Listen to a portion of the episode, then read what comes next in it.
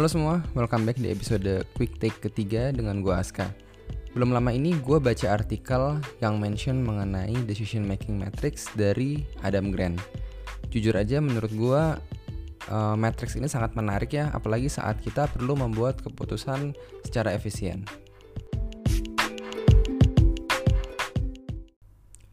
Oke, jadi framework atau matrix ini sebenarnya pertama kali ditweet oleh Adam Grant di tahun 2018. Buat yang belum pernah dengar siapa itu Adam Grant, dia adalah profesor di University of Pennsylvania yang udah ngeluarin banyak banget buku, punya podcast sendiri, ada video, pernah muncul di TED, uh, dan dia itu mendalami mengenai productivity dan dinamika di tempat kerja. Nah, uh, dari penjelasannya Adam Grant sendiri, Matrix ini sebenarnya terinspirasi oleh Jeff Bezos, uh, which is si pemilik Amazon mengenai bagaimana si Jeff Bezos ini membuat suatu keputusan.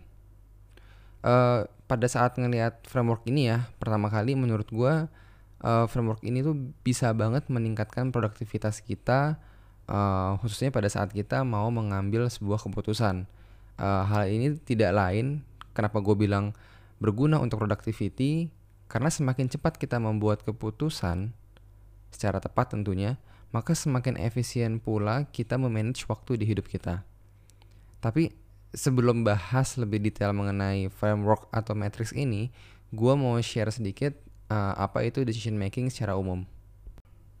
Ngomong-ngomong membuat keputusan, uh, tahukah teman-teman bahwa dalam sehari kita itu diestimasikan membuat kurang lebih 35.000 keputusan.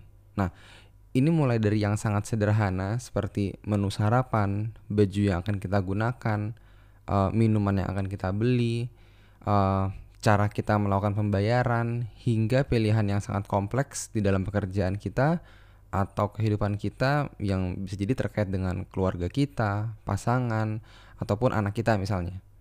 Semua itu sebenarnya uh, membuat mental dan pikiran kita lelah. Istilah kerennya adalah decision fatigue atau lelah mental akibat banyaknya keputusan yang telah diambil. Makanya kalian mungkin pernah dengar bahwa Mark Zuckerberg itu menggunakan baju yang sama setiap harinya. Nah, e, hal ini tidak lain karena dia ingin mengurangi jumlah keputusan yang perlu dia ambil.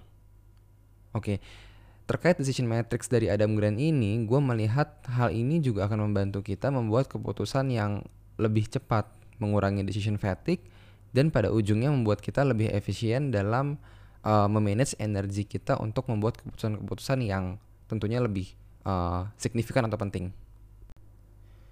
Oke, sekarang gue akan bahas mengenai framework dari Adam Grant ini ya. Jadi kalau teman-teman lihat di ilustrasi di artwork podcast kali ini, ada dua faktor utama yang menjadi pertimbangan yaitu konsekuensi keputusan dan apakah keputusan yang diambil tersebut bisa dibatalkan atau tidak. Oke ya, kurang lebih gitu bahasa Indonesia-nya. Maka dengan mengetahui dua faktor utama tersebut, kita setidaknya bisa menentukan bagaimana kita akan membuat keputusan. Oke, bukan keputusannya tapi bagaimana kita akan membuat keputusan. Nah, Gue akan bahas tiap pendekatannya. Yang pertama adalah act quickly. Untuk hal ini relatif simple. Jadi pada saat konsekuensinya kecil uh, dan bisa direvisi dengan mudah, maka ambillah keputusan secara cepat. Yang kedua, uh, decide slowly. Ini adalah kebalikan dari yang pertama tadi gue sebutin. Pada saat kita dihadapkan di keputusan yang memiliki konsekuensi besar, serta tidak mudah untuk uh, direvisi, maka sebaiknya kita benar-benar melakukan analisis secara menyeluruh sebelum kita uh, membuat keputusan. Dan yang ketiga, run experiment. Nah, ada kalanya juga keputusan yang kita ambil memiliki konsekuensi yang besar, namun sebenarnya bisa dikoreksi bila ternyata ada kesalahan.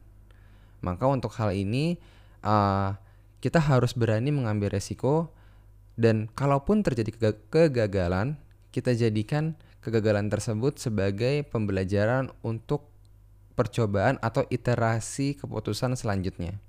Dan yang terakhir, yang keempat, uh, delegate.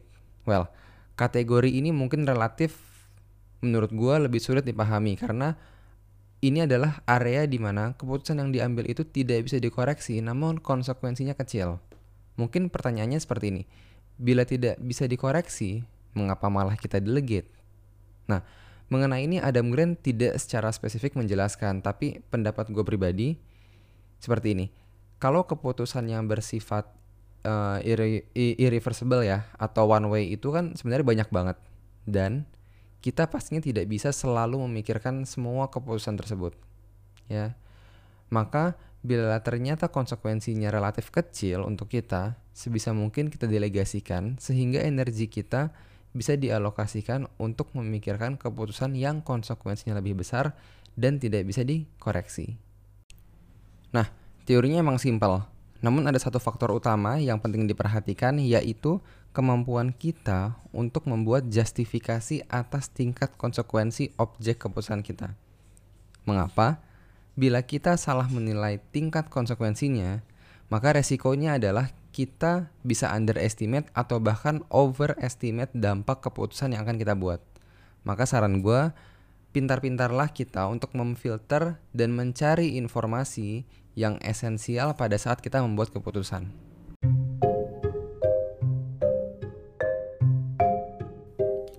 So, kalau gue simpulkan, sebenarnya decision making matrix ini adalah suatu kerangka berpikir.